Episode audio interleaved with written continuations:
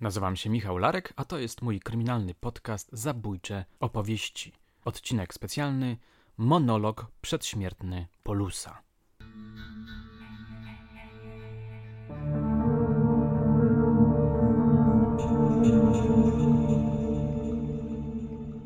Czy zastanawialiście się kiedyś, co czuje zabójca po zapadnięciu wyroku śmierci?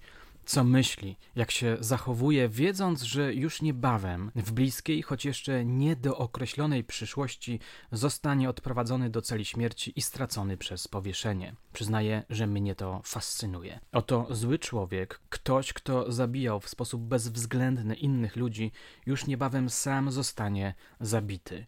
I to w świetle prawa. Co się wtedy dzieje w jego wnętrzu? Jaka emocja dominuje? Strach? Wyrzuty sumienia?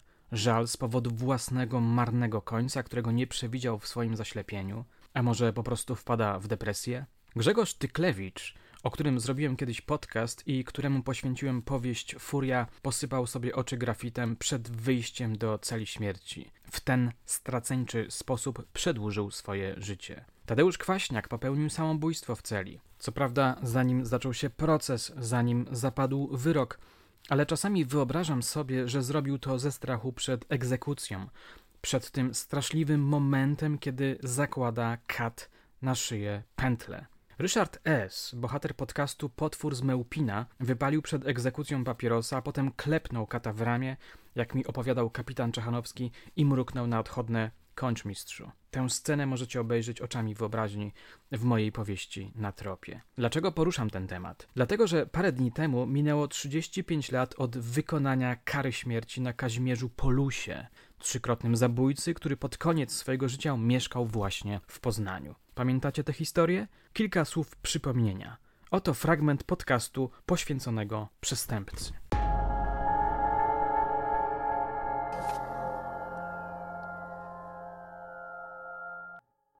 30 grudnia 1983 roku prokuratura wojewódzka przesyła do sądu wojewódzkiego akt oskarżenia przeciwko Kazimierzowi Polusowi. Oskarżenie dotyczy głównie trzech zabójstw, do których sprawca przyznał się poznańskim śledczym. Wina Kazimierza Polusa znajduje pełne potwierdzenie w zebranym materiale dowodowym, w szczególności w świetle dowodów rzeczowych i przeprowadzonych ekspertyz, twierdził dr Michał Posadzy, który podpisał się pod tym dokumentem. Polus próbuje się bronić. Jestem niezmiernie ciekawy, jak to dokładnie wyglądało. W faktach sprawy znalazłem na przykład list zabójcy do ambasadora Związku Radzieckiego. Uprzejmie proszę o udzielenie mi azylu politycznego na korzyść Związku Radzieckiego i państw socjalistycznych. Pragnąłbym być przydatnym wykorzystaniem niedopowierzonego zadania oraz służby wywiadowczej. Pisze trochę nieskładnie. Zastanawiam się, czy ten list był jego pomysłem, czy też ktoś mu go podsunął. Jeden z policjantów opowiedział mi kiedyś anegdotkę. Polus zaproponował umowę jednemu z oficerów milicji. Wypuśćcie mnie, dajcie paszport, a ja pojadę do USA i zabiję Regana. Oczywiście jego dziwaczne starania były kompletnie nieskuteczne. Proces Kazimierza Polusa rozpoczął się 13 lutego 1984 roku w Sądzie Wojewódzkim w Poznaniu. Oto kilka prasowych nagłówków, które dają wgląd w przebieg kolejnych rozpraw. Proces trzykrotnego zabójcy. Kontrowersje wśród biegłych.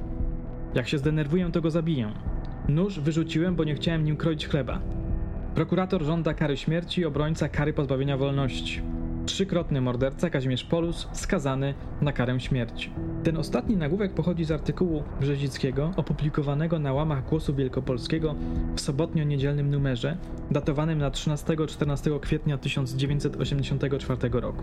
Jest to opis ostatniej rozprawy, która miała miejsce 13 kwietnia w piątek i w czasie której Polus został skazany na karę śmierci i pozbawiony praw publicznych na zawsze. Długi wywód poświęcił sędzia karze śmierci, pisał Brzezicki. Jej wymierzenie jest uwarunkowane szeregiem przesłanek. W przypadku Kazimierza Polusa nie ma żadnego motywu, aby tej kary nie wymierzyć. Nie jest to zemsta społeczeństwa za jego czyny. Społeczeństwo po prostu usuwa zbrodniczy element, aby nie być z jego strony więcej zagrożone. Kazimierz Polus nie umie żyć na wolności. Każdy jego tu pobyt kończył się zbrodnią. Ten 54-letni mężczyzna, podkreślił sąd, 29 lat spędził w zakładach karnych. niczego tego nie nauczyło. Nie ma wątpliwości, że w tym przypadku o żadnej resocjalizacji nie może być mowy. Wyrok nie jest prawomocny, obrona zapowiedziała wniesienie rewizji.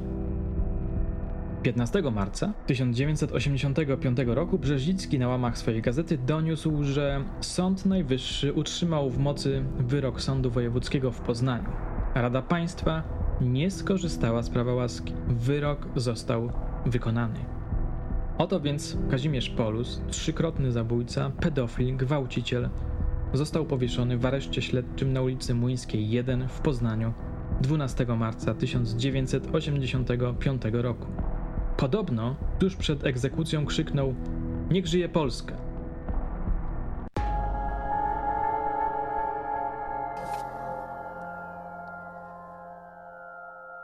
Tamten odcinek chciałbym uzupełnić o fragmenty wywiadu, którego udzielił Polus Iwonie Gajdzińskiej, ówczesnej dziennikarce tygodnika Wprost. To numer z 1984 roku. Tytuł wywiadu brzmi Ubolewa nad samym sobą. Już sam tytuł jest wymowny, prawda? To, co tam mówi zabójca, jest doprawdy fascynujące. Posłuchajcie.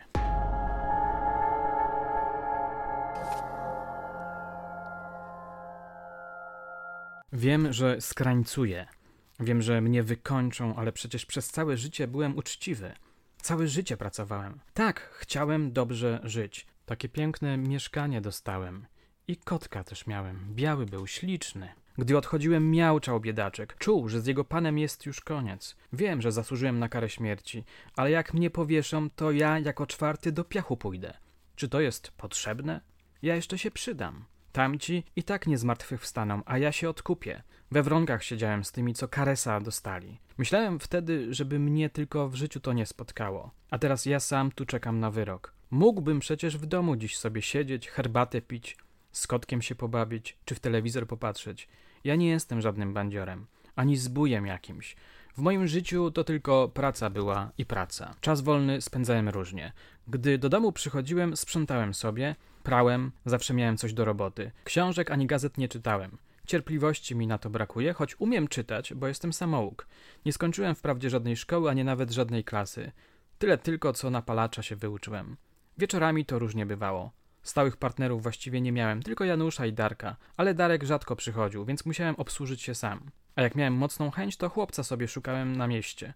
Brałem go wtedy do siebie, częstowałem herbatką albo denaturatem, jeśli chłopiec lubił, albo śmiały nie był i chęci miał mało. Rozbieraliśmy się i tańczyliśmy. Chciałbym odejść od tego mojego homoseksualizmu, ale nikt chyba tego nie leczy. Dlaczego to właściwie robiłem? Dlaczego nikt tego nie leczy? Lepiej, żebym siedział za włami jakieś, albo za pójście na sklep, albo magazyn. Takie ciężkie przestępstwo. A przecież nie jestem żadnym zbrodniarzem, żadnym bandziorem, zbójem jakimś. Ja nie mordowałem ludzi, tylko ten raz. Jeden jedyny raz u mnie w mieszkaniu z Januszem. To było w jakimś obłędzie, w jakimś szale, w porywie. Sam nie wiem. Ja Janusza przecież kochałem, lubiłem go. Do dziś nie wiem, jak mogło do tego dojść. Od dawna męczył mnie tym swoim wyjazdem do Danii. Chciał się tam leczyć na niedorozwój umysłowy. Próbowałem mu to wybić z głowy, przekonywałem go, gdzie tam. Trzeba było przegnać go z domu, przepędzić, lachą go pobić i wywalić, żeby mi głowy nie zawracał. Trzeba było. Wtedy w piątek przyszedł do mnie wieczorem z wypchaną walizką, gotowy do wyjazdu. Wściekłem się. Krzyczałem na niego, że bzdury sobie nawymyślał, że ten wyjazd to głupota. Zaczęliśmy się kłócić, bardzo byliśmy oboje nerwowi. Janusz był tak rozzłoszczony, że kotka mi kopnął. Prosto w brzuszek. Kotka aż podrzuciło, upadł, zwinął się w kłębek i miauczał. A Janusz jak gdyby nigdy nic, nachylił się nad miednicą, żeby się umyć. Uderzyłem go. Nie wiem, ile razy.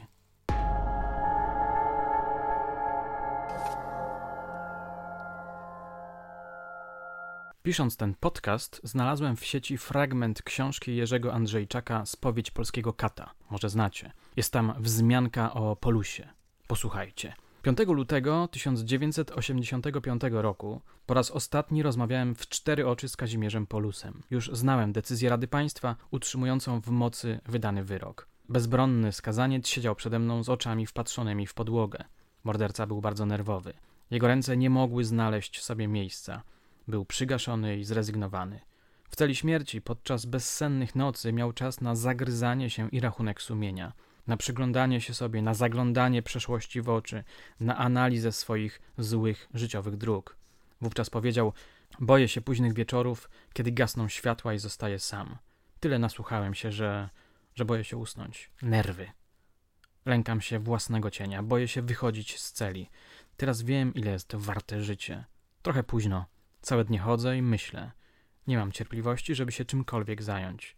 Prowadzę ze sobą wielogodzinne rozmowy. W chwili, gdy dowiedziałem się, że wyrok został uprawomocniony, załamałem się. Straciłem nadzieję. Połknąłem drut, żeby oddalić od siebie moment śmierci. Wiem, że mnie powieszą. Wiem, że mnie wykończą. Ale przecież przez całe życie byłem uczciwy.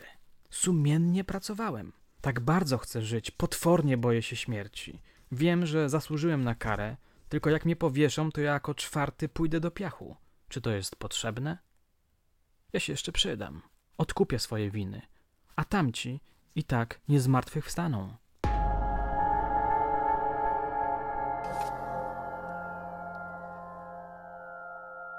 Mocne, prawda?